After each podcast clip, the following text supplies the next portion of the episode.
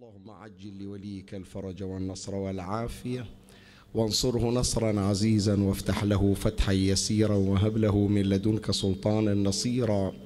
رب اشرح لي صدري ويسر لي أمري. واحلل عقدة من لساني يفقه قولي. يا كاشف الكرب عن وجه أخيه الحسين. اكشف كربي بجاه أخيك الحسين. نادي عليا مظهر العجائب.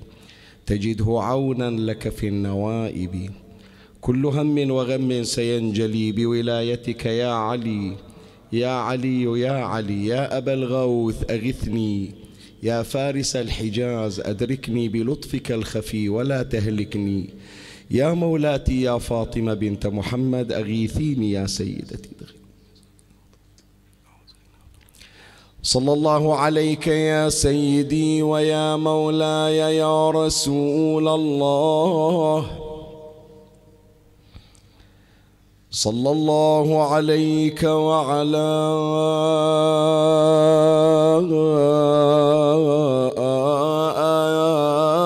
آلك الطاهرين.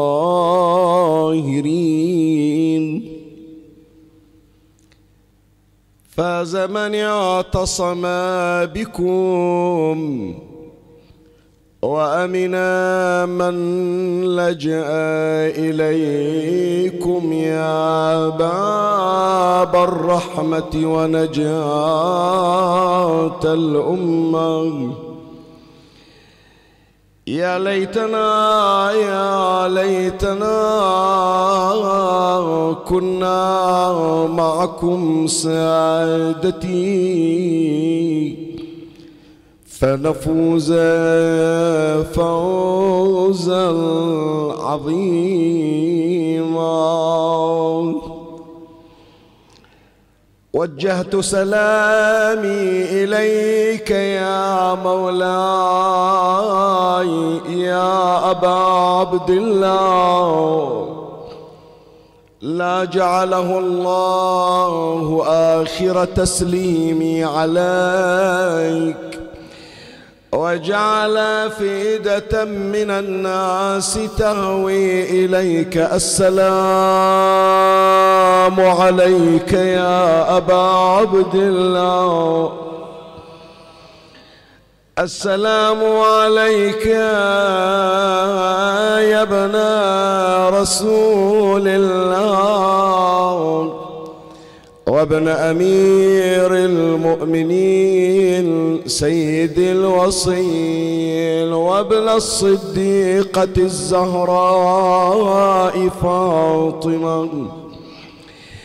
سيدتي وسيدة نساء العالمين روحي لروحك الفداء. ونفسي لنفسك الوقاية قتيل العداء ومسلوب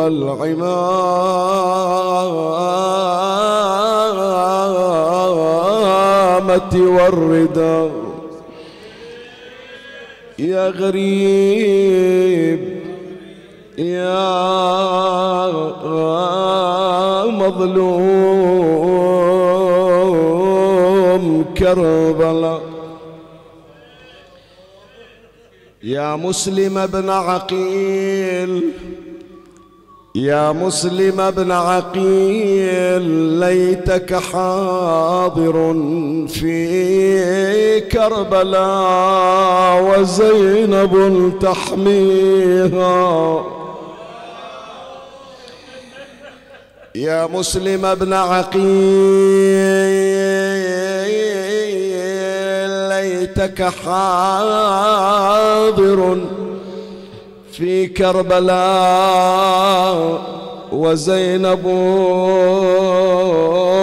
تحميها وتعينها في حفظ أيتام لها.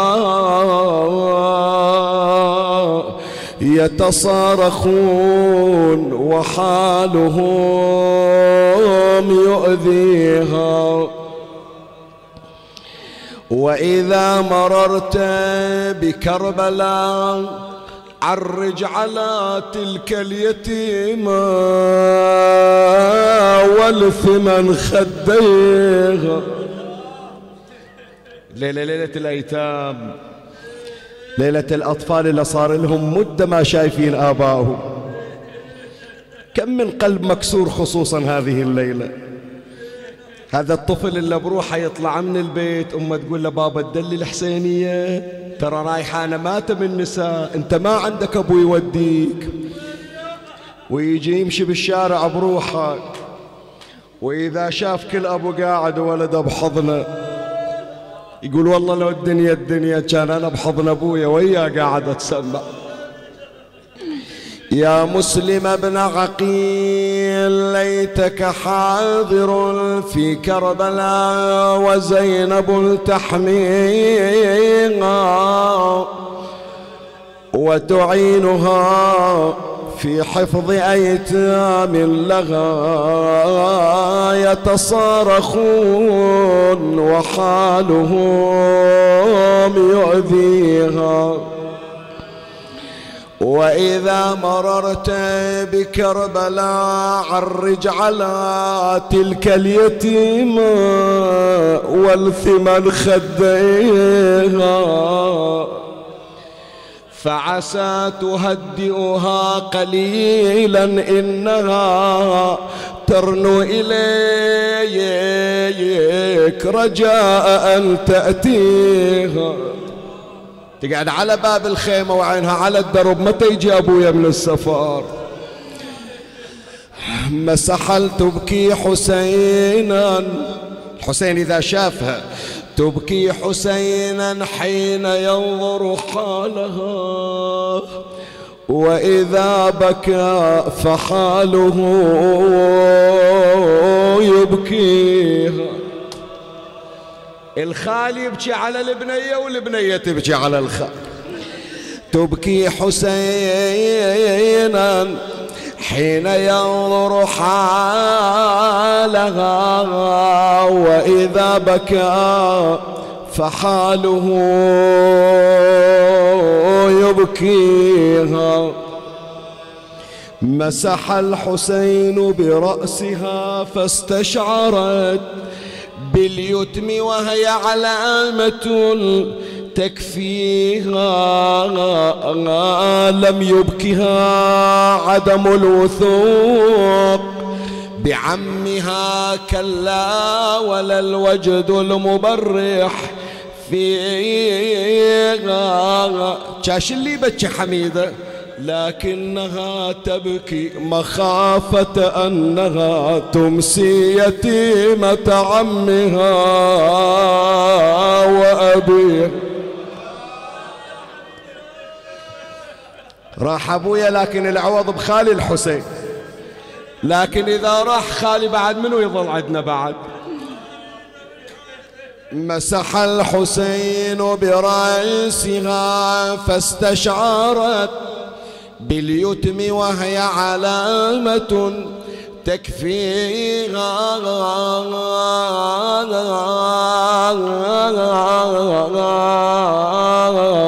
لم يبكها عدم الوثوق بعمها. كلا ولا الوجد المبرح فيها. لكنها تبكي مخافة أنها تمسي يتيمة عمها وأبي. شوف البيت يوجع قلبك لو لا فإذا مضى عنها الحسين فإذا مضى عنها الحسين فمن الذي من صوت آل أمية يحمي.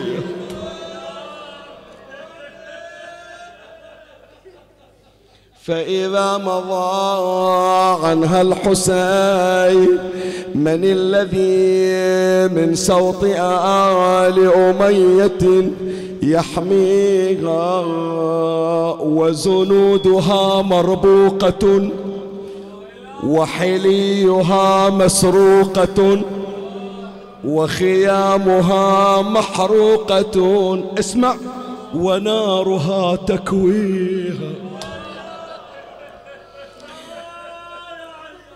فإذا مضى عنها الحسين من الذي من سوط آل أمية يحميها وزنودها مربوقة وحليها مسروقة وخيامها محروقة ونارها تكويها يا يتمها يتمها يا خالي يا قمر هاشم.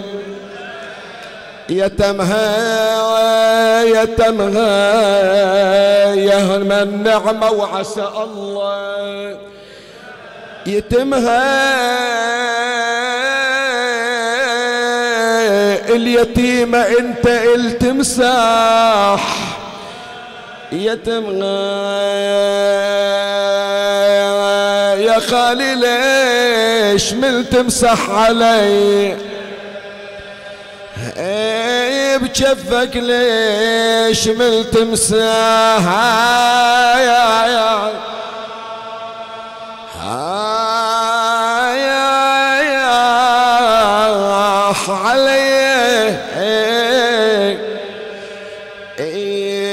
قلبي كسرت يا غريب.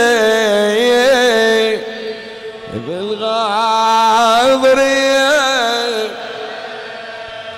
مثل اليتامى تمسحي بجفك علي. تمسح على راسي ودمع العين هما. كلي يتيم الكاف يلا من هالاحوال ما عودتني بهالفعيل من قبل يا خال خليت دمعتي على خدي جري. وويلا بمسحك على رأسي. تركت القلب ذايب هذه يا خالي من علامات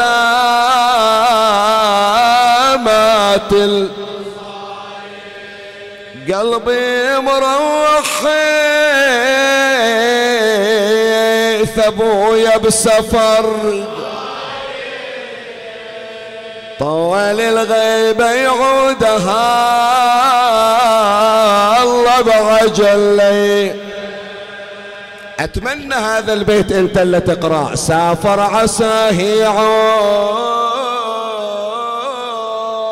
لي عفي عليكم. أقعد بحضنه وينشرح صدر بكلام. شنو سمعت عن والدي؟ حلو الجهان قالها يا بنتي غبتي علك بطيء صاير على الحنون يا خالي؟ جاني الخبر عن حال مسلم يا حزين. يقولون من قصر الإمارة ذابي بالحبل بالأسواق جسمه يسحبون. وراس المشكر راح للطاغي هدي. شوية شوية عليه يا أبو علي. شوية شوية عليه انت حنون ناوي تذبح البنية بحضنك يعني.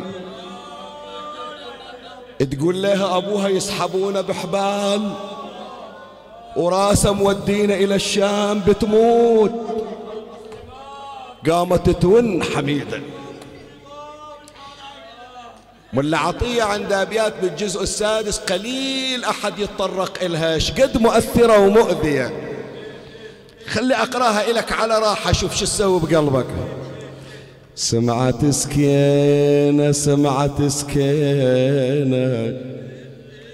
سمعت سكينة قعن حميدة رايحة وين؟ قالوا لها مطرش عليها خالها حسين.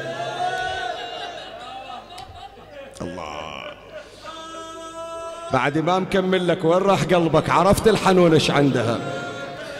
سألت سكينة عن حميدة رايحة وين؟ قالوا لها مطرش عليها خالها. حسين دخلت عليها وشافتها تلطم الخدين. وظلت تجرون على ذيك الحزينة. بنات ثنتين كل واحدة تحضن الثانية. سكينة تمسح على راسها تقول حميدة صبري أبويا موجود. وهي شابقة على سكينة. قام الحنون أبو علي وحضن البنات الثنتين. شوف ملا عطية شي يقول. ضم اليتام أبو علي ضمة المظلوم. يمسح مدامعهن ودمع بخده مسجوم. يقلهم يا بناتي تصبروا من عقب هاليوم لازم بناتي قصر الإمارة يا بناتي تدخلون. الله. يقول اليوم أنا وياكم يا بناتي. لكن باكر إذا حطوا الحبال بإيدكم منو اللي بيجي يضمكم؟ ضمهم لصدر أبو علي ضمة المظلوم. يمسح مدامعهم ودمع بخده مسجوم.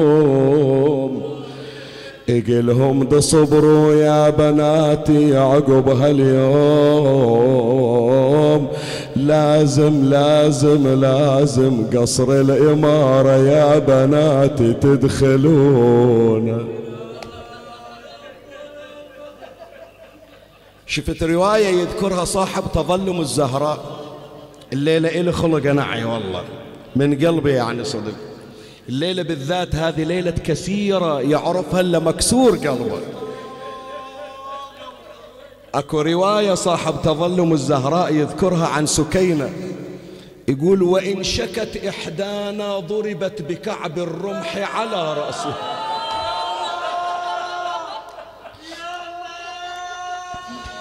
خلي أوصف لك هذه الحالة. انت لبالك ركبوا النساء والأطفال على النياق وتمشي القافلة بس هالشكل وأكو قايد قدام؟ لا. زجر بن قيس يدور داير مدار الضعينة على الفرس. ومو بهوادج لا من غير هوادج. على نياق لا موطأة ولا مرحولة. وبيد الرمح. من يسمع وحدة ويل ضربها على راسه. سكتي لا تحجين لا تحجين سكتي ولا أشوف دمعة بعينك التبكي أضربها على راسها يمكن أزيد واحدة انضربت حميدة بنت مسلم. مي راضية تسكت؟ ومن يمر صاحت زجور شال الرمح ضربها على راسه يريد يرجع والضربة بعد توجع زجر يضربها على راسه يريد يرجع الدرب الثاني. صيح زجر يضربها مرة ثالثة. ضاج من عندها. إيش عندك؟ أذيتيني؟ إيش أسوي بيك؟ أذبحك يعني. قول إيش عندك. قالت درب الخطر لما انتطوفه بدروبكم مر والكوفه ابوس إيدك بس عطني مهلة. خلي أنا اعيلك خلي أنا اعيلك أقرأ لك. بدروبكم درب الخطر لما تطوفه بدروبكم مروا الكوفة. أتمنى بس الوالد أشوفه. إيش عندك ويا أبوك؟ اريدا إلى الوالد أشوفه. أحب راسه واقبل جفوفه وحشني حضن أبويا أريد يشبقني. كل واحدة من البنات ليلة عاشر عندها أبو إلا أنا بلا أبو. أوقفوها في وسط المجلس نظرت إلى رأس الحسين. صاحت نسوان نسوان نسوان يا خالي ابتلينا. الناس تتفرج.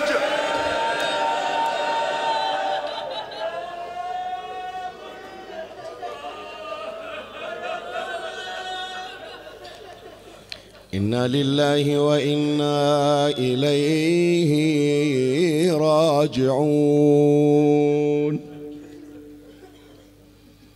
قال أمير المؤمنين عليه السلام لا تشد الرحال إلا إلى ثلاثة مساجد المسجد الحرام ومسجد رسول الله صلى الله عليه وآله ومسجد الكوفة. بداية الحديث لا بد من توجيه اعتذار إلى حضراتكم وإلى السادة المشاهدين عبر البث الافتراضي.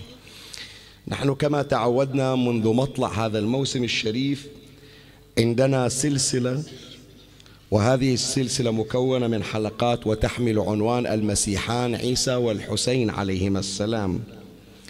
وكان مقررا في حلقة هذه الليلة أن يكون البحث بعنوان أعداء المسيحين نتحدث عن أعداء عيسى المسيح وعن أعداء الإمام الحسين عليه السلام. إلا أن ظرفا عرض علي في الطريق. يعني هذا البحث محضر ومجهز وعلى أساس أجي وألقيه. لكن لظرف خاص عرض علي ارتأيت أن أرجئ بحث هذه الليلة. إن شاء الله أنقل فيما بعد أوفق لعرضه لأنه هناك ظروف خاصة حالت بيني وبين إلقائه في هذه الليلة.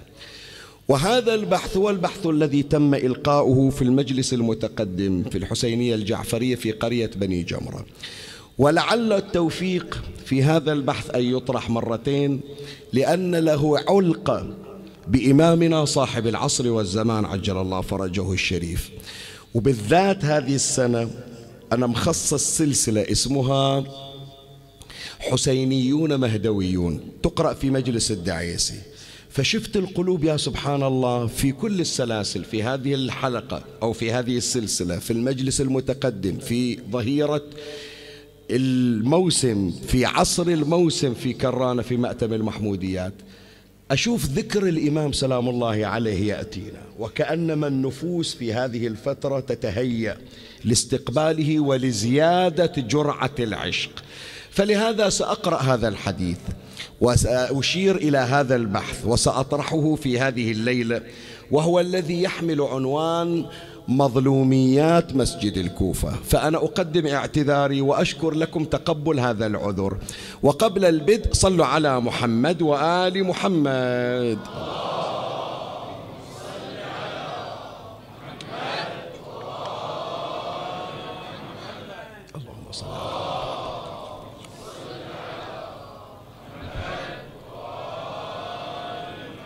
اللهم صل على محمد.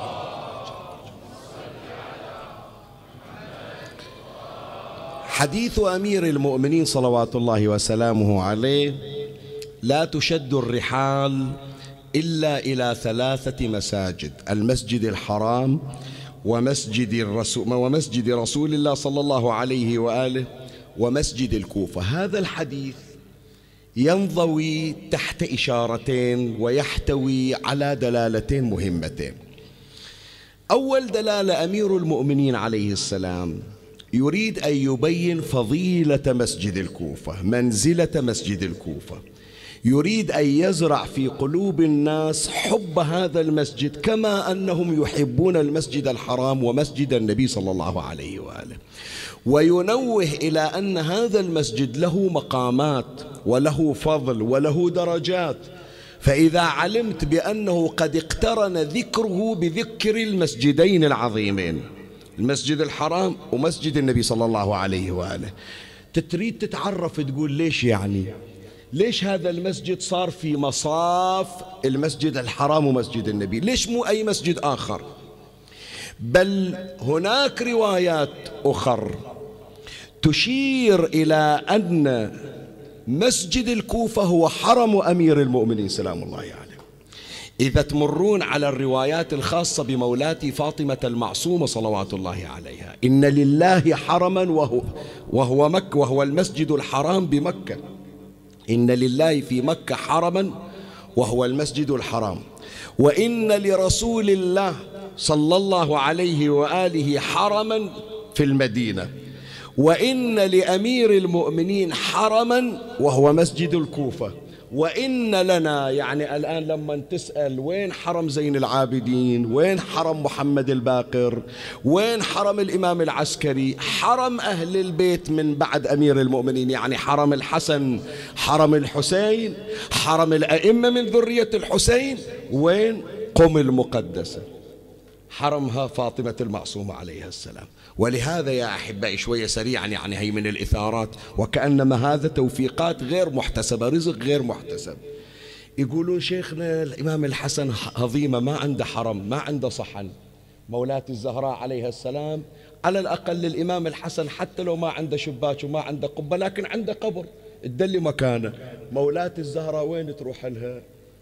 في الروضة تروح لها في البقيع في أي مكان. ما إلها قبر ظاهر. حتى أولادها السادة ما يدلون. روح اسأل المراجع قول لهم وين قبر الزهراء يقول لك ما أدري. بالغرفة بالروضة. لكن صار الحرم البديل إلها وين؟ عند مولاتي فاطمة المعصومة صلوات الله عليه. حرم مولاتي فاطمة المعصومة هو حرم الأئمة. الإمام الحسن إذا ما إلى صحن يلطم عليه فيه يبكى عليه فيه. صار حرم وين؟ بالمعصومة. هل الذي شفتوا جنابكم شاء الله تروحون هناك وتشوفون.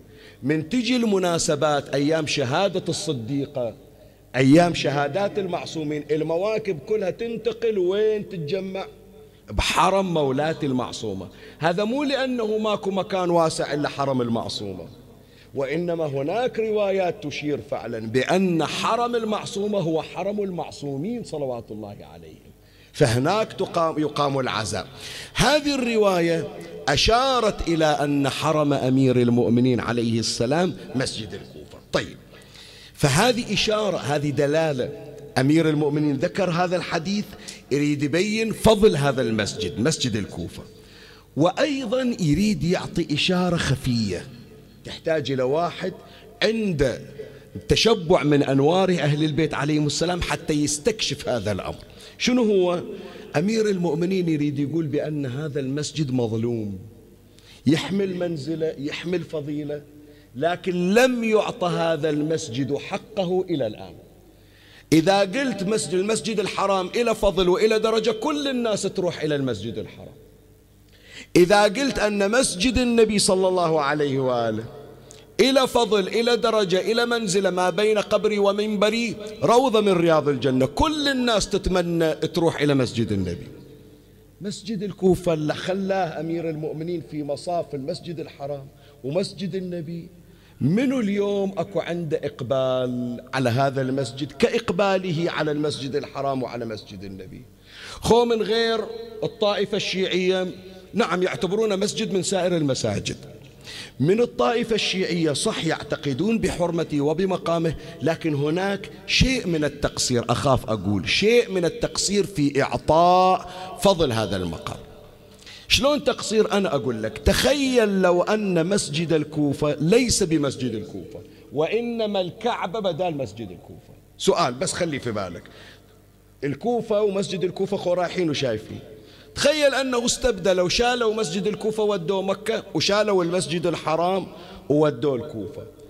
هل هذا التواجد وهل هذا الحضور وهل الزيارات إلى مسجد الكوفة عندنا والحرص على الوصول كحرصنا على الوصول إلى المسجد الحرام وإلى مسجد النبي؟ كأنما لو الكعبة موجودة بمسجد الكوفة بدال مسجد الكوفة ما راح تشهد مجموعة من الطواف أو من الطائفين. فهذه من الظلامات اللي راح نمر عليها في البحث. فإذا أمير المؤمنين عليه السلام حينما ذكر شيئا من فضل مسجد الكوفة أراد أن يلوح بمظلوميات مسجد الكوفة. وهذا هو البحثي الذي سأشير إليه في هذه الليلة. يحمل عنوان مظلوميات مسجد الكوفة. أشير إلى أربع من هذه المظلوميات في بحث هذه الليلة. ومن الله أستمد العون والتوفيق. ومن مولاي أبي الفضل العباس المدد وألتمس منكم الدعاء وثلاثا بأعلى الأصوات. صلوا على محمد وآل محمد.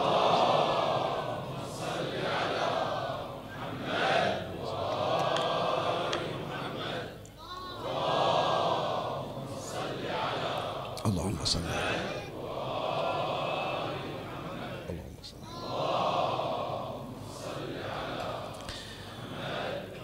مولاي الكريم أنت حيثما كنت اسمعني وفرغ لي قلبك وأعرني سمعك وأقبل علي بكلك. أخبرتك بأن البحث في هذه الليلة يحمل عنوان مظلوميات مسجد الكوفة وأشير إلى أربع من هذه المظلوميات. أما المظلومية الأولى التي صدرت في حق مسجد الكوفة التغافل عن منزلة هذا المسجد. حينما ألقي هذا العنوان عنوان التغافل ما أريد أتهم الآخرين وما أريد أشير إلى كل واحد قصر في الذهاب إلى مسجد الكوفة وأقول له أنت متغافل أو تستخف بالحرمة. لا معاذ الله. لأنه ما كنية قاصد أنه أريد أقلل من حجم المسجد أو من مقام المسجد. وإنما يمكن الواحد لغفلة يمكن واحد لعدم التفات وهذا يصير أحيانا. مثل ما موجود عندنا يا إخواني القرآن بالبيت صحيح؟ متى نلتفت نفتح القرآن ونقرأ؟ مثل ما عندنا إحنا الآن بمفاتيح الجنان كم من الأدعية؟ أنت متعود على شنو؟ متعود على دعاء الصباح دعاء كميل متعود على دعاء هذه الليلة دعاء التوسل صحيح؟ لما يقولون لك ليش ما تقرأ دعاء الجوشن الكبير؟ يقول لك ليش؟ كيف إحنا ليلة القدر؟ بعدنا ما دخلنا شهر رمضان كأنما محصور فقط في ليلة القدر. مع العلم هو مجرب خصوصا للمرضى والأمراض المستعصية. جوشن يعني شنو يا جماعة دعاء الجوشن جوشن يعني شنو؟ درع. ودو جوشن كبير. يعني الدرع الأكبر الذي يوضع حتى على الميت ليقيه من ضغطة القبر. في بعض الروايات أمير المؤمنين سلام الله عليه أوصى ولديه الحسن والحسين أن يكتب دعاء الجوشن الكبير على ركفنه وهو أمير المؤمنين قسيم الجنة والنار. كل حتى يبين لنا مقام لكن عندنا انصراف عنا يجي مثلا ليلة القدر لا ما مستعد أفوته بس هذا يطلب من عندك أنه في سائر الليالي. فإذا حينما أقول تغافل عن فضل مسجد الكوفة ليس اتهاما وإنما مجرد إنعاش ذاكرة وتوجيه اهتمام. حتى من الآن يصير عندك شوق. أحكي ويا أحبائي اللي قاعدين واللي يسمعوني عبر البث واللي عندهم نية إلى زيارة الإمام الحسين عليه السلام في الأربعين. مخلي في باله يسائلون من الآن. بتروح الأربعين؟ إيه نعم. غير كربلاء وين بتروح؟ أروح النجف أروح الكاظمية أروح سامرة. بتروحون الكوفة يقول والله الزيارة مختصرة ما أدري يمدينا نروح لو ما يمدينا نروح. مو صحيح؟ أكو ناس الشكل وإذا سألوا واحد زين إذا رحت إلى مسجد الكوفة بتأدي الأعمال؟ أعمال شوي طويلة؟ يقول لا ما يمدي. الجماعة اللي وياي ما عندهم وقت وسفرتنا ضيقة فيمكن أروح أصلي ركعتين ويمكن ما نروح نخليها في سفرات أخرى. صحيح لو لا؟ خلنا نمر على الروايات. ونشوف شلون يجي عتاب من الإمام الصادق عليه السلام إلى هذا التراخي تجاه مسجد الكوفة. الحديث عن هارون ابن خارجة. قال قال لي الصادق عليه السلام كم بين منزلك وبين مسجد الكوفة؟ يعني كل واحد يجي الإمام يسائل أنت وين ساكن بالعراق؟ كم المسافة بينك وبين مسجد الكوفة؟ يشوفه يقدر يروح لو ما يقدر يروح. كم بينك وبين كم بين منزلك وبين مسجد الكوفة؟ فأخبرته قلت له المسافة هالقد. فقال ما بقي ملك مقرب ولا نبي مرسل ولا عبد صالح دخل الكوفة إلا وقد صلى فيه. إيش تتصور أكو ملائكة جبرائيل ميكائيل إسرافيل. الملائكة صفوة الملائكة. ولا أنبياء صار لهم مرور.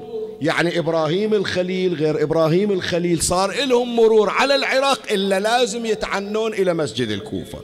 ما بقي ملك مقرب ولا نبي مرسل ولا عبد صالح دخل الكوفة إلا وقد صلى فيه. حط بالك الآن إلى العبارة اللي راح يقولها الإمام الصادق.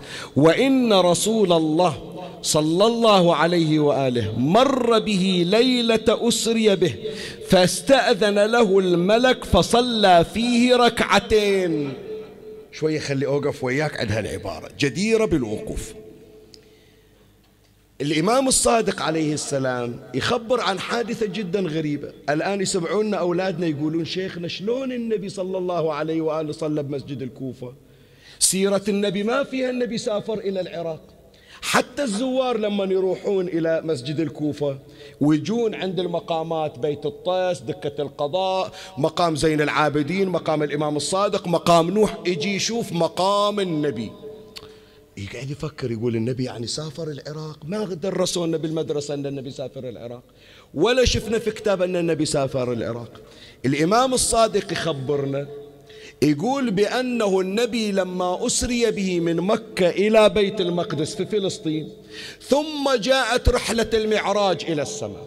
من صعد البراق بالنبي إلى السماء طلع فوق الأرض وإذا كأنما كوكب ينير من الكرة الأرضية.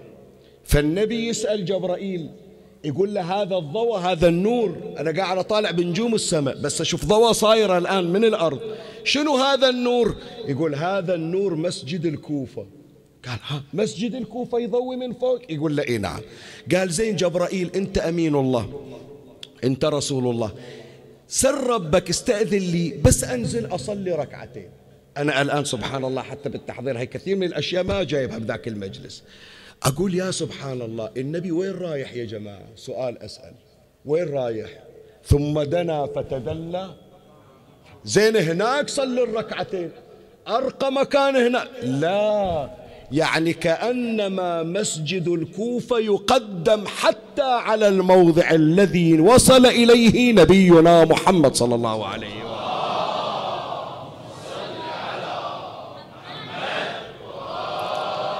هذه فائدة مرجوة من الرواية. لا وبعد أكو فائدة أكثر وأكثر. التوفيقات التي رآها رسول الله حطوا بالكم أولاد الليلة مجلس ولائي. التوفيقات اللي حصلها النبي صلى الله عليه وآله حتى لما وصل إلى سدرة المنتهى. سبحان الذي أسرى بعبده ليلا من المسجد الحرام إلى المسجد الأقصى الذي باركنا حوله. ليش؟ لنريه. من آياتنا. الآيات التي وفق رسول الله لتلقيها واحدة من أسباب هذا التوفيق ابتداء رحلة المعراج بصلاة ركعتين في مسجد الكوفة. شوف الأسرار الموجودة. يكفيك أنه روايات تقول أنه مجرد عبادة ركعتين تصليهم بمسجد الكوفة تعادل عبادة سبعين سنة. هذه بس هالركعتين. هي كلها أسرار تأمل فيها. فالإمام الصادق عليه السلام يقول وإن رسول الله صلى الله عليه وآله مر به ليلة, ليلة أسري به فاستأذن له الملك فصلى فيه ركعتين. والصلاة الفريضة يعني جنابك تروح تصلي المغرب اللي راحوا يزورون وأذن عليهم الأذان وصلوا الفريضة. شوف الإمام الصادق شو يقول والفريضة والصلاة الفريضة فيه ألف صلاة. كأنك مصلي بغير مكان ألف صلاة. هي الصلاة اللي صليتها. والصلاة الفريضة فيه ألف صلاة. والنافلة فيه خمسمائة صلاة. والجلوس فيه من غير تلاوة وقراءة قرآن عبادة. شاهدي من هالرواية كلها اللي قريناها. هي العبارة اللي من ثلاث كلمات. الإمام الصادق. شوف شلون يخاطبني ويخاطبك. يقول فأته ولو زحفا. الله أكبر. مولاي ما حصل تذكرة توديني للعراق. مولاي ما قدر. لو زحف الفضل اللي موجود بذاك المسجد ما تحصله بغير مكان. بي أسرار تفتح لك أبواب التوفيقات. زين هذا كله الآن قريته لك حتى أبين لك منزلة هذا المسجد العظيم. يسمونه المسجد الأعظم. الآن حط بالك إلى هالعبارة هذه. حتى أختم هذه المظلومية وأروح إلى غيرها. إخواني آخر الزمان. شوف إحنا الآن قاعدين بالحسينية كلنا متجمعين. من تجي الساعة عشر وين؟ الجماعة قالوا والله متجمعين بمأتم كرباباد الشرقي. آخر الزمان يا جماعة وين راح نتجمع؟ وين راح يصير ملتقانا؟ لما أدورك وتدورني تقول له أدور شيخ ياسين ما أنا شايف إن طالع برا البحرين وين صايرين؟ يسمونه مجتمع المؤمنين هذا مسجد الكوفة. ليش؟ لأن عاصمة الكرة الأرضية مقرها وين؟ مسجد الكوفة. مو مسجد السهلة لا. مسجد السهلة يسكن فيه إمامنا صاحب العصر والزمان عجل الله فرجه الشريف. لكن من يطلع إلى شغلة من يطلع إلى حكومته يدير العالم وين مقر إدارة العالم؟ مسجد الكوفة. زين. فإحنا ليش نقول يا جماعة بحاجة إلى أنه نعيد صياغة حبنا وعشقنا إلى مسجد الكوفة؟ ليش؟ أنا أقول لك. منو منكم يا القاعدين حتى من أولادي الصغار ما يتمنون يصيرون من جنود الإمام؟ سلام الله عليه. أنتم خوبنا مو ناديتون؟ سلام يا مهدي. عدل. ما تتمنون تشوفونا وإذا شفتونا إيش بتسوون؟ تقبلونا ما واحد يقول أنا أبغى أظل وياك ما أبغى أتباعد عنك. صحيح؟ عفي على الأولاد إحنا يا إخواني كلنا نتمنى في آخر الزمان أن نكون خداما عنده. مو صحيح؟ لو تجي جنابك وتشوف ذاك الوجه القمري الذي وصفته الروايات قالوا خده كأنه صحن مرمر. عليه شامة سوداء كأنها فتاة عنبر. أزج الحاجبين أدعج العينين. شفتاه حمراوتان كأنهما الوردتان. عنقه كأنه إبريق فضة. يشع النور من جميع بدنه. إذا تبسم إمامنا أن أنارت السماء من نور أسنانه. له رائحة أطيب من روائح المسك والعنبر يقولون أولادنا زين إذا شفنا شلون نسلم عليه؟ بس نصافحه. هذا والله أول مرة أنا أثيره صدقني. من أقول لك يعني أنا عارف الليلة بها سر تغيير الموضوع بها سر. ما فكرت أنت يوم اللي تلتقي بالإمام في زمن الظهور شلون راح يخلونك تسلم عليه؟ فكر بس شوية. بيقولون لك أكو سرى أكو طابور طويل. لا تطول ويا الإمام سلم عليه من بعيد. زين إذا جابوك بس بتسلم عليه بيخلونك تقبل إيده. ما فكرتوا في هالقضايا هذه؟ إيش تتصورون؟ راح أقول لك أنا راح أقول لك علي ابن مهزيار يسولف هو. يوم التقى بالإمام سلام الله عليه. الإمام ترى يشتاق لنا أكثر مما أنت تفكر فيه. شفت دعاء الندبة اللي تقراه؟ شفت يوم الجمعة من تروح المسجد وتقرأ دعاء الندبة؟ تعرف هذا الدعاء من يوصل للإمام؟ شي يصير بقلب الإمام؟ يقول لك لهالدرجة محروق قلبك علي. خليت بيتك وطالع من الصبح ومشتاق إلي. لو تعرف حجم الشوق اللي بقلبي إلك. فلهذا علي بن مهزيار يقول لما رآني قام لي وعانقني وضمني حست حتى أحسست بأن أضلاعه قد اختلطت بأضلاعي. الله أكبر. متى يجي ذاك اليوم يا سيدي عاد؟ بسنا من دعاء الندبة نريد من وراها الندبة شوفة ونريد نشم ريحتك يا سيدي. فأنت إذا إجيت إلى مسجد الكوفة مو بس يخلونك تسلم راح يقعد وياك الإمام ويسأل عن أحوالك الإمام ويقول سمعتك بدعاء الندبة وشفتك يوم وقفت وحطيت إيدك على راسك وقلت اللهم كن لوليك. فإذا شفت الإمام في مسجد الكوفة ما تتمنى تصير من خدام الإمام. تمام. كلنا إحنا نتمنى نصير من خدام الإمام. فإذا اختارك الإمام وين راح يشغلك؟ هذا المكان راح يشغلك به مسجد الكوفة اللي ما تحب تقعد به مسجد الكوفة اللي من تشوف الجو حار يلا استملينا خلونا نرجع الفندق. متى بنسافر؟ ترى هالمكان سوف نرى إمامنا. ويمكن إذا قبلنا خدام إلى وجنود عنده هذا مكان وظيفتنا وهذا مكان عملنا. فلهذا أقرأ لك الرواية الرواية عن الإمام الصادق في بحار الأنوار الجزء 53 صفحة 11 قال الإمام الصادق عليه السلام المفضل يسأله للإمام الصادق قلت يا سيدي فأين تكون دار المهدي ومجتمع المؤمنين؟ المؤمنين وين يتلاقون؟ قال دار ملكه الكوفة ومجلس حكمه جامعها. وبيت ماله ومقسم غنائم المسلمين مسجد السهلة وموضع خلواته. الإمام هم ياخذ له فترة يريد يرتاح يصير بروحه. وين يختلي الإمام؟ أنا وجهت السؤال هناك ببني جمرة. خلي أوجهه الآن هنا. إيش تتصورون يا جماعة؟ الإمام الحجة من يريد يقعد بروحه بخلوة بينه وبين الله. وين ما أي مكان يختاره؟ خلي أسأل أولادي من هالصوت. وين تتصورون؟ عند الحسين في كربلاء. يعني يطلع من الكوفة من المسجد يروح كربلاء ويقعد على الجدة. عدل؟ من هالصوب شو تقولون؟ وين الإمام الحجة يحب يقعد بروحه؟ منو قال النجف؟ انت اللي قلت عفي عليك يا بابا. هذا إمامنا الصادق عليه السلام. يقول الإمام الحجة إذا ضاق صدره ويريد يقعد بروحه ليس له إلا حلال المشاكل عليه أي أيوة والله. راح أقرأ لك الآن الرواية. يطلع من دار الكوفة يطلع من السهلة يطلع يروح يقول ودوني إلى قبر جدي. ويقعد هناك عند أمير المؤمنين. يا أبا الغوث يا علي. يقول الإمام الصادق عليه السلام وموضع خلواته الذكوات البيض من الغريين. النجف يعني. قال المفضل يا مولاي كل المؤمنين يكونون بالكوفة. قال إي والله.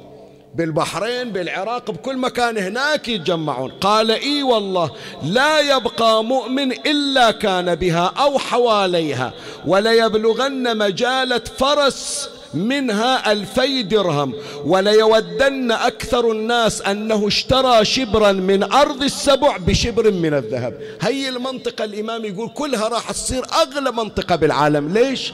لأن كل الكرة الأرضية يتمنون يسكنون وين؟ عند مسجد الكوفة حتى يتشرفوا برؤية طلعة إمامنا قائم آل بيت محمد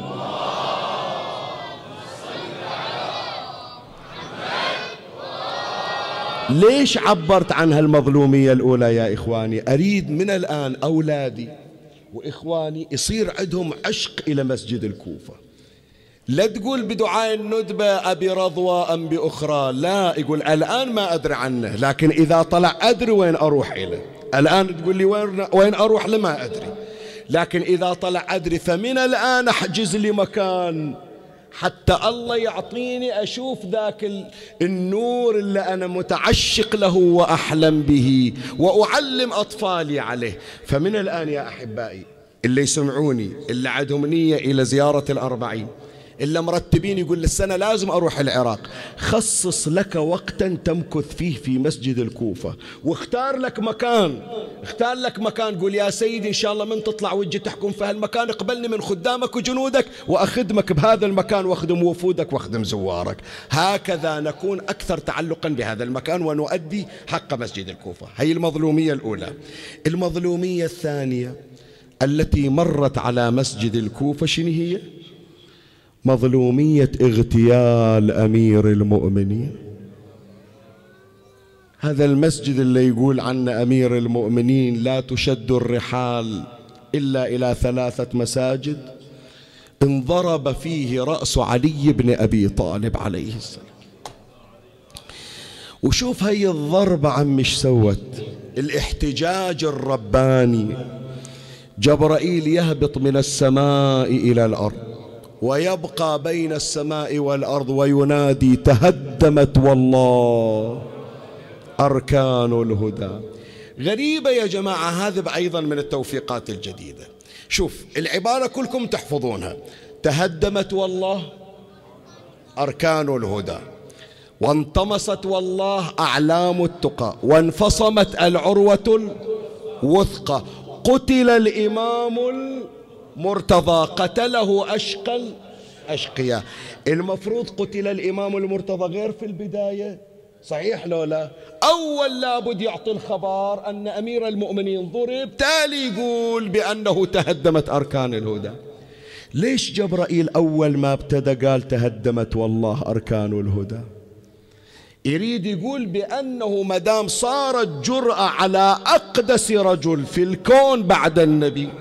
في أقدس موضع فما بقيت هداية عنده. يعني ترقبوا جرائم أكبر من هالجريمة. وفعلا لما تجرأوا على علي في المسجد تجرأوا وقطعوا رأس حسين بن علي. ليش؟ لأن الحرمة بعد خلاص هتكت. الحرمة هتكت. فمظلومية ثانية من مظلوميات المسجد أنه ضرب رأس أمير المؤمنين عليه السلام فيها. بعد أقول لك شيء؟ يمكن أنا ما متعرض إلى تتذكرون من عرض سلسلة أمير المؤمنين عليه السلام في شهر رمضان. تدرون بأن عملية الاغتيال متى إجوا ورتبوها ليلة 19 في نص ساعة إجوا دخلوا شايلين سيوف وضربوا عليه ومشوا. قاعدين يشتغلون أيام وليالي. اسمع إيش أقول لك وحطوا بالكم. اسمح لي هذه ورقة التحضير أخليها على كدر إلي شغل في هالعبارة. اقرأ بالروايات أنا ذاكرها بالرواية بس أريد أسردها الآن كحادثة. تعرف بأن قطام سوت معسكر ومركز لتنفيذ الجريمة في مسجد الكوفة وقامت بعملية نقل الأسلحة. شالت السيوف وودتها إلى ذيك الخيمة. وذول الثلاثة اللي اشتركوا في جريمة اغتيال علي عبد الرحمن ابن ملجم المرادي وشبيب ابن بجرة والثالث اسمه وردان. والمنظم والخطط والمخطط الأشعث ابن قيس. مقر لإدارة جريمة اغتيال أمير المؤمنين. هذا من متى؟ هذا من شهر رمضان من أول شهر رمضان. 19 ليلة ولا أحد سأل ولا أحد استفسر. ولا أحد قال ليش هالمرة قاعدة؟ وهي وحدة خارجية كلكم يعرفون أهل معرفة الخوارج الذين يبغضون علي من النجاسات العشر.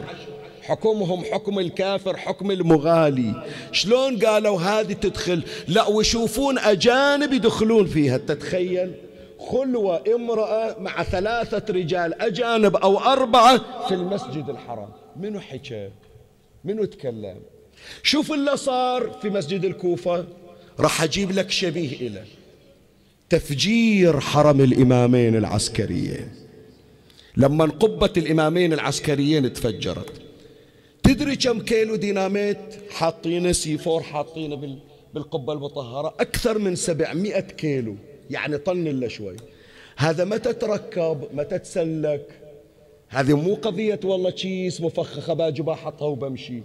اشتغلوا عليها. المحللون يقولون مو أقل من أسبوع تركيب القنابل. منو راح قال ترى زين لا تعتبرون هذا مسجد لا تعتبرونه قبور لأهل البيت. اعتبروه مسجد من المساجد. اعتبروه معلم أول ما تدخل سامراء تشوف قبة الإمامين.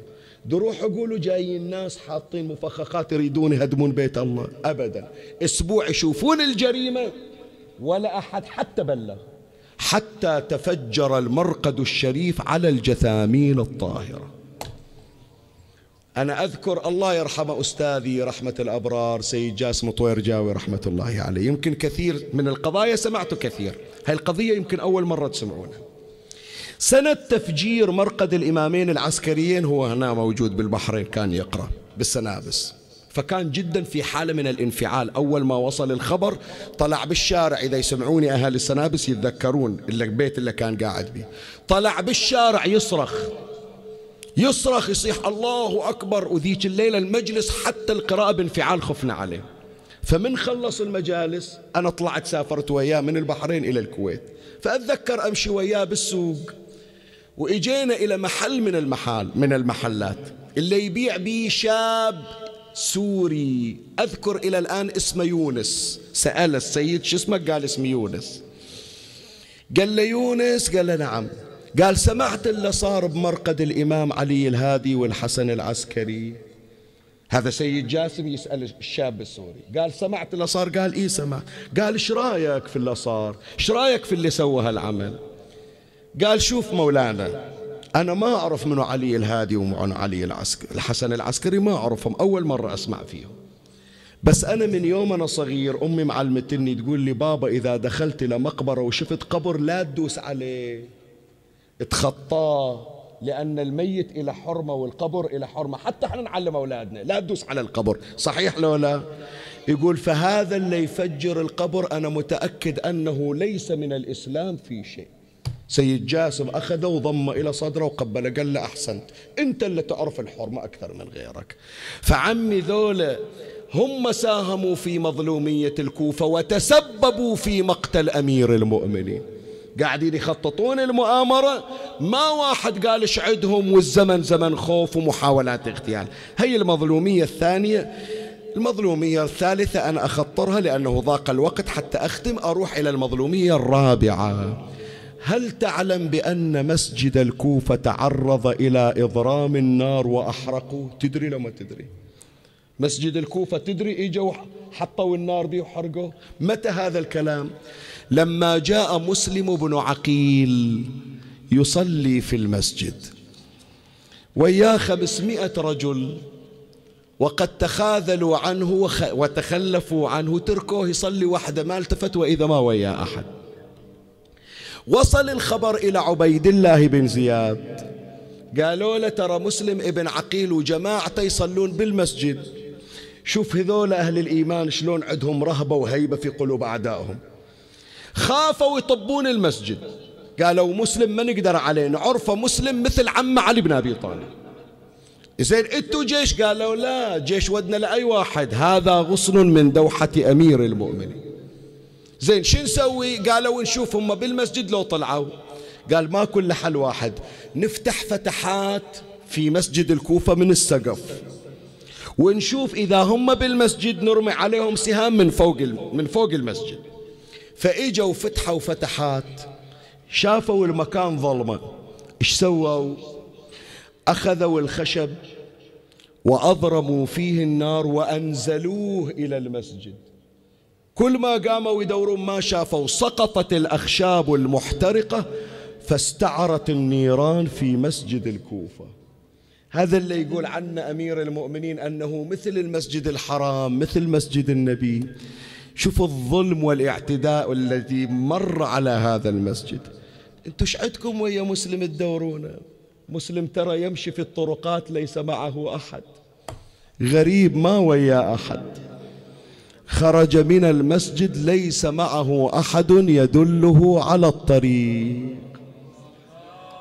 وظل يدور يمشي بالشوارع وعطشان يريد قطرة ماء إذا شاف باب مفتوح يقول إيه هذا البيت ذاك اليوم دعونا قالوا حياك عدنا وجيت زرتهم خلي أقول لهم أريد بس قطرة ماء أشرب. فإذا جاء إلى ذلك الباب أغلقوا الباب في وجهه. يسدون الباب بوجهه. من هنا قال العلماء يا إخواني إن الغريب إذا أراد أن يتأسى في غربته فليتأسى بغربة مسلم ابن عقيل. ما واحد حتى عطاه قطرة ماي طول الليل يمشي وين يروح؟ البيوت كلها تخاذلت عنه. جاب الزمن إلى طريق زقاق ما يخرج بعد يعني نهاية الزقاق باب قدامه. من التعب قعد على الأرض ما يقدر يتحرك نص الليل ومن الظهر هو على على حيله واقف مو قادر يقعد. قعد سن الظهر حط رأسه على الجدار توجه إلى جهة الحجاز. صاح حسين أبو علي. جايني يا نور عيني. سامحني يا أبو علي. طرشت لك رسالة وقلت لك الأمور مستقرة حياك تفضل. ما أدري راح ينقلبون عليك. الآن يا أبا عبد الله لما تجي الكوفة منو يستقبلك؟ أنا سدوا البيبان بوجهي. أبو علي قاعد أفكر بالنسوان اللي وياك. أبو علي قاعد أفكر بالأطفال اللي عندك. إذا أنا رجال أمشي بالشوارع ما حد فاتح لي باب. أنت يا حسين تيجي ويا عائلتك ويا أطفالك منو يستقبلك يا أبا عبد الله؟ ظل بس يفكر ويحكي وقام يون ويبكي على الحسين. الصوت وصل إلى داخل الدار. الجارية مرة سمعت واحد يبكي. إجت عند الباب شافت واحد قاعد. وتسمع يبكي راحت تركض لعمتها اسمها طوعة. شوف التوفيق عمي شوف السعادة والتوفيق. أسألكم أولادي ردوا علي طوعة عطت مسلم منو يقول لي؟ إي والله ماي هو قلاص ماي مو أكثر. قدح من الماء ليس أكثر. جابت له طعام ما رضى ياكل. جابت له شراب قال خلاص إلا شربته كافي. جابت له فراش حتى ينام قال ما أريد أنام أريد أوقف أصلي. لكن شوف عمي كاس هالماي وين ودى طوعة؟ تفضل تعال شوف إيش سوى بيها. كان يقول لها مسلم والله على هالولاء يا طوعة أخلي اسمك ويا زينب بعاشور يصير محرم يمر عليك ما تسمع اسم طوعة كل العالم يذكرها. حسينيات باسم طوعة مواكب باسم طوعة يسمون بناتهم باسم طوعة. شو مسوية طوعة؟ قدح ماي لكن ولاءها الصادق إلى أهل البيت. إجت الجارية إلها سيدتي أكو واحد عند الباب ويون وونته تكسر الخاطر. قالت زمن خوف أخاف مصوب أخاف مطعون وذابين عند باب بيتي خلي أشوف شنو القضية. قامت طوعة إجت عند الباب. فتحت الباب من وراء الباب تحكي؟ صاحت يا عبد الله ما لي جلوسك عند باب داري. هو إيش قال لها؟ قال أمة الله عطشان. من الظهر أنا أمشي بالشوارع قطرة ماي ما شرب صكوا البيبان بوجهي. قالت عطشان الآن أجيب لك الماي طالب حقك. طبت طوعة جابت الماي. هي بعد قالت عف واستحي أروح امد ايدي من وراء الباب خلت القدح. وسدت الباب قالت خله يشرب براحته. من يكمل راح أرجع آخذ القدح. إجت فتحت الباب قالت مشى. ما فكت عينها وإذا الولد بعد قاعد حاط راسه بين ركبتيه صاحت عبد الله قال بلى أمة الله. شربت الماء قال بلى جزاك الله خير. بعدك عطشان أجيب لك غيره. قال لا والله. وين تجيبين غيره؟ هو هذا الماء وأنا غصيت به عندي أهل أترقبهم. وين أتهنى بالماء قالت يعني ما تريد تشرب ماء قال لا بعد جزاك الله خير الجزاء. قالت إذا ما لجلوسك عند داري؟ الآن لو يمر واحد غريب ويشوفك قاعد عند باب بيتي شي يقول عني وأنا حرمة ما وياي أحد؟ قم وانصرف روح بيتكم. نزل راسه. قال ما تسمع قالت له ما تسمعش أحكي لك؟ أقول لك قوم روح بيتكم الآن عندك أهل يسائلون عنك. قام يبكي ودمعته على خده. تقول له بيك؟ أحكي وياك تبكي ما ترد علي. قال ما عندي أهل بهالديرة. قالت كلمة طوعة مثل الطعنة بقلب مسلم. قالت يا عبد الله طلبت الماء فأعطيناك. فلا معنى لجلوسك عند باب داري. قم وانصرف فإن الجلوس محرم عليك. حرام. قوم اطلع لا تقعد. سمع كلمة الطرد انكسر خاطره. منو يجاوبني؟ وين توجه مسلم؟ منو عنده قريب مدفون هناك؟ شال راسه لصوب النجف قال وينك يا علي؟ وينك يا حلال المشاكل؟ تعال شوف أولادك مطرودين يا علي أويلي. يلا عمي شباب سمعوني أصواتكم وين ما قاعد. ترى ما عنده أحد يونوا عليه ذاك اليوم. شوف الأكبر شالوا جنازته الخيمة كلها بواكي عليه. العباس خلوه على النهر كل خيام بواكي عليه. حتى الرضيع صارت عليه بواكي. هالغريب ما عنده أحد يبكي عليه. ما عنده إلا حرمة على السطح تنعي خلى يبرد قلب مسلم ويبرد قلب الحسين من يسمع ونتنا. قالت شربت الماء لا توقف على الباب. عيب على مثلك وقفة ببيوت لجنة. جنك جليل وشوفتك يا شهام. تنهايا بلهلك دروح القمار غرب والنجم ذا. أويلي روح بعجل أهلك قبل لا يظلم الليل. واقف تفكر والدمع بخدودك يسيل.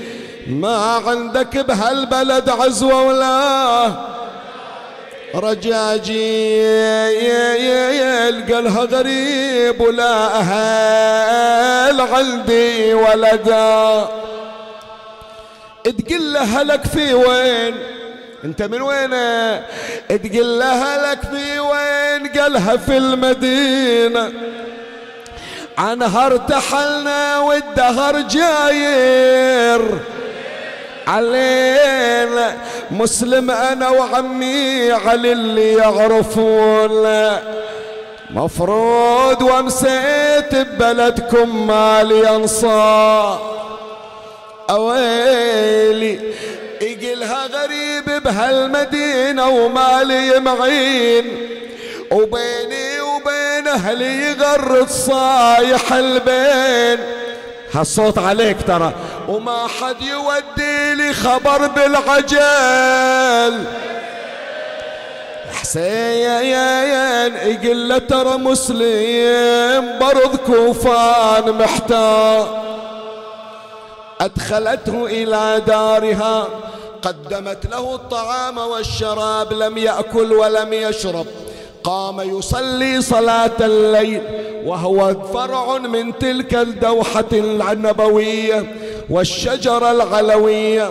وصل الخبر إلى عبيد الله بن زياد أرسل إليه محمد بن الأشعث في خمسمائة رجل كان مسلم على مصلى وإذا به يسمع صهيل الخيل وقعقعة اللجم قام شبل حيدر اقتلع الباب من المنزل خرج إليهم مصلتا سيفا أقسمت لا أقتل إلا حرا ولو رأيت الموت شيئا نكرا.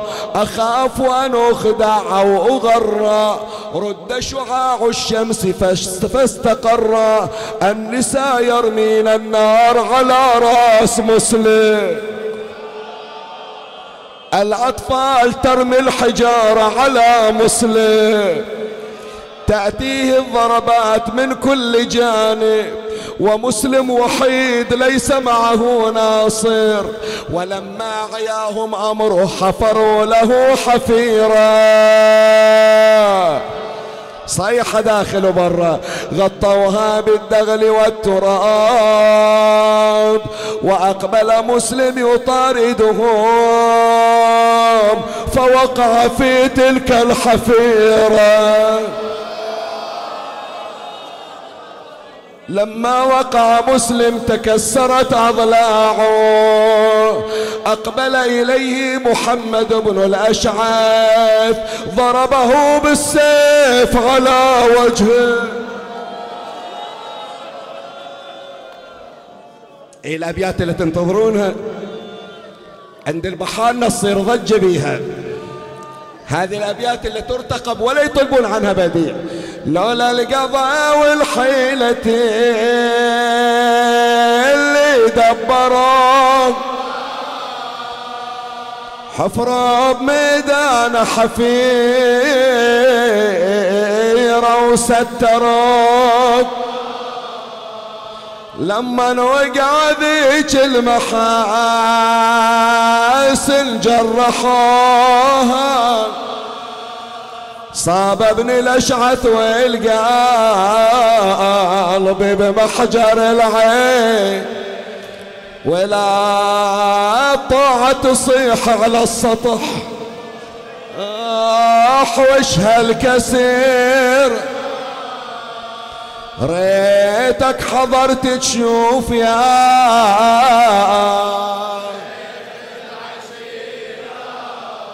بن عمك الموثوق طايح. جابوه مثل الطير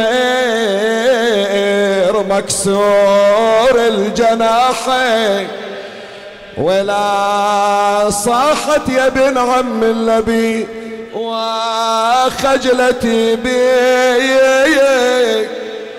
شبيدي وأنا حرمة وضعيفة ما أقدر أحمي. لو يتركونك كان قلبي. كان سلمت من كيدهم سلم أتمنى هالبيت أنت اللي تقرأ. قالها يطاع اليوم.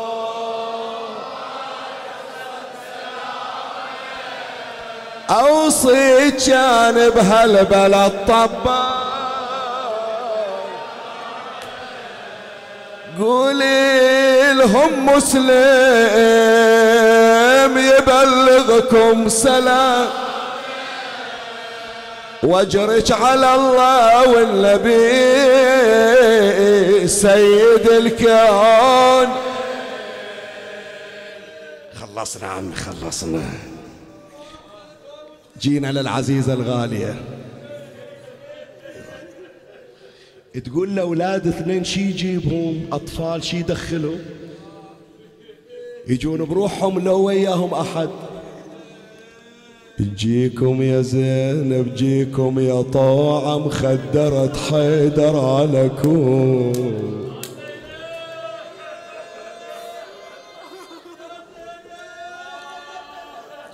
تجيكم يا طاعة مخدرة حيدر على كور.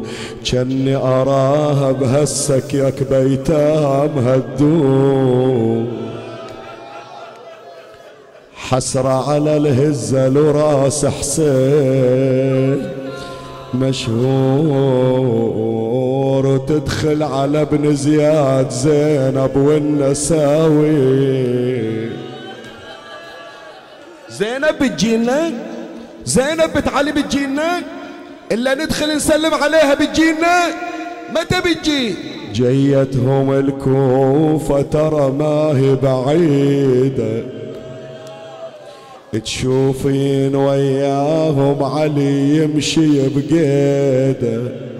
طوعة! زور اليتامى وقبل بنتي.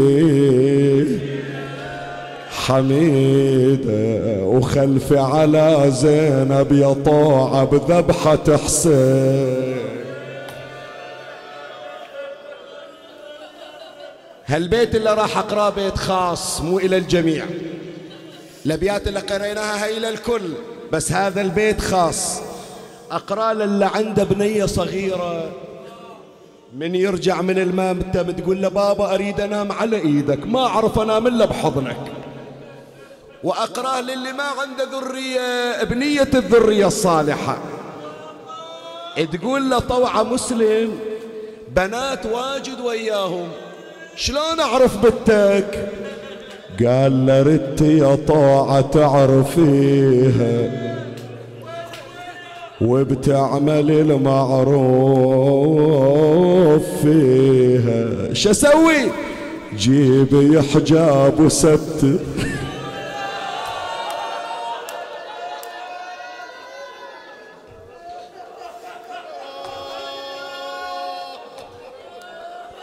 أحكي وياك اشوفك ترى حاجني.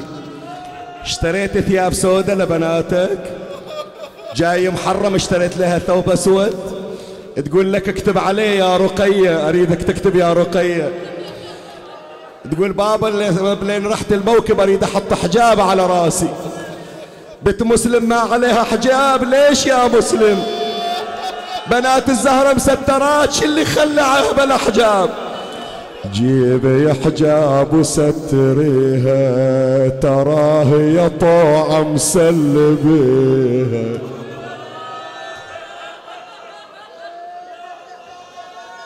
بعد إلي شغل وياك آخر دقيقتين عطني من وقتك. قالت من عيني مسلم تدلل خلها بس توصل وأنا خدامة إلها وإلى أهلها. وإذا تسمع طاعة ذاك اليوم يصيحون خوارج. إجوا الخوارج. منو قالوا زينب اخت أبو فاضل جابوها؟ اسمعني عمي شوية أخر الدمعة حتى أعرف اقرا لك قامت طوعة حتى تأدي الأمانة. زينب جاية الكوفة. وين تروح تزورها؟ راحت بيت علي بن أبي طالب. شايف البيت اللي عند المسجد؟ قامت تدق على الباب. ما حد طلع. إجا واحد من الناس ها طوعش عندك؟ إلا واقفة على الباب. قالت يقولون زينب جاية. قالوا هذا البيت ما بي أحد. قالت عجل زينب وين نازلة؟ ما عندها بيت عن هالخل غير هالبيت ما عندها عطني مهلة عطني مهلة. قال طوعة شايفة ذيك الخرابة اللي هناك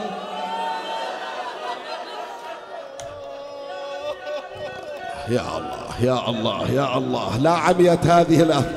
لا عميت هذه العيون ولا بحت هذه الأصوات. شايفة ذيك الخرابة؟ قالت إيه خرابة نمر عليها من زمان. قال هناك زينب قعدوها. إجت تمشي وصلت للخرابة. شوف هي تبكيك لو لا. من وصلت عند باب الخريبة وإذا تسمع وحدة تنعي شو تصيح؟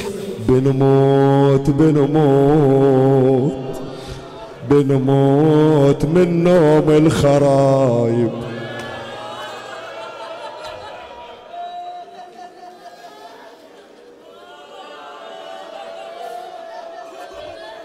تعرف نومة الخرايب يعني شنو؟ عمي قبل لا أقرأ لك تعرف نومة خرايب يعني شنو؟ يعني بلا فراش على حجارة نايمين. تعرف نومة خرابة يعني شنو؟ يعني هذه الضربة مالت الصوت الدم اللي يصير الرمل كله بيها. بعد أقول لك حكاية إذا نامت الطفلة بالخرابة يجيها العدو يرفسها بخاصرتها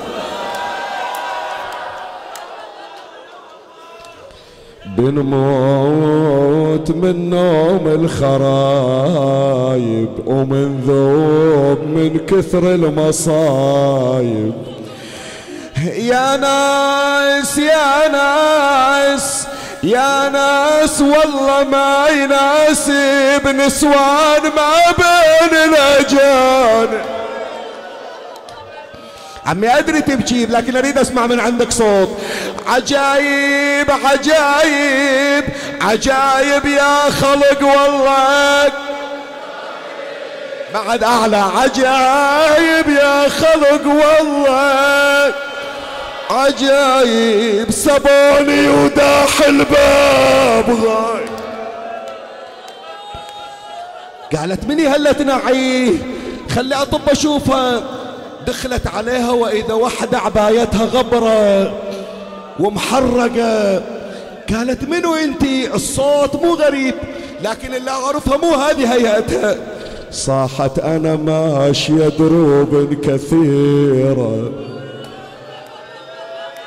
وكل ديرة تبشر الديرة. شي يقولون؟ اخت عباس جابوها اسيره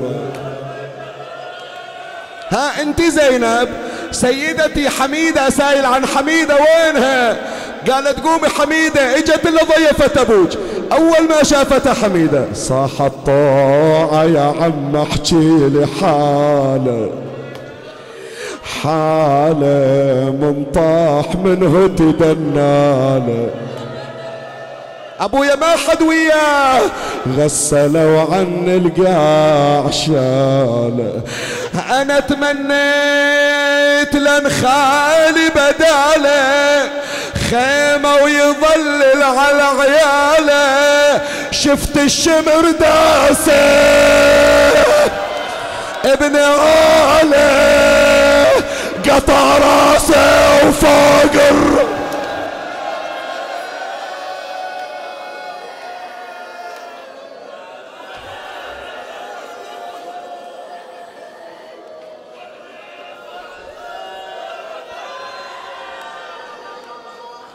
اللهم صل على محمد وآل محمد. بك يا الله بمحمد بعلي بفاطمة بالحسن بالحسين بعلي بمحمد بجعفر بموسى بعلي بمحمد بالحسن بعلي بعلي بمحمد بعلي بالحسن بالحجة ابن الحسن بجاه أم البنين بجاه ولدها أبي الفضل العباس كاشف الكرب عن وجه أخيه الحسين. اقض حوائجنا يا الله. إلهي بجاه باب الحوائج مسلم بن عقيل عليك تفضل على كل من سألنا الدعاء بقضاء حاجته وتفريج همه أدخل على قلبه السرور اصرف عنه الهم والحزن. عجل اللهم فرج إمامنا صاحب العصر والزمان. شرفنا برؤيته ارزقنا شرف خدمته. ترحم على أمواتي وأموات الباذلين والسامعين سيما من أوصانا بالدعاء. لأمواتهم جميعا نهدي ثواب هذا المجلس وثواب الفاتحة مع الصلوات.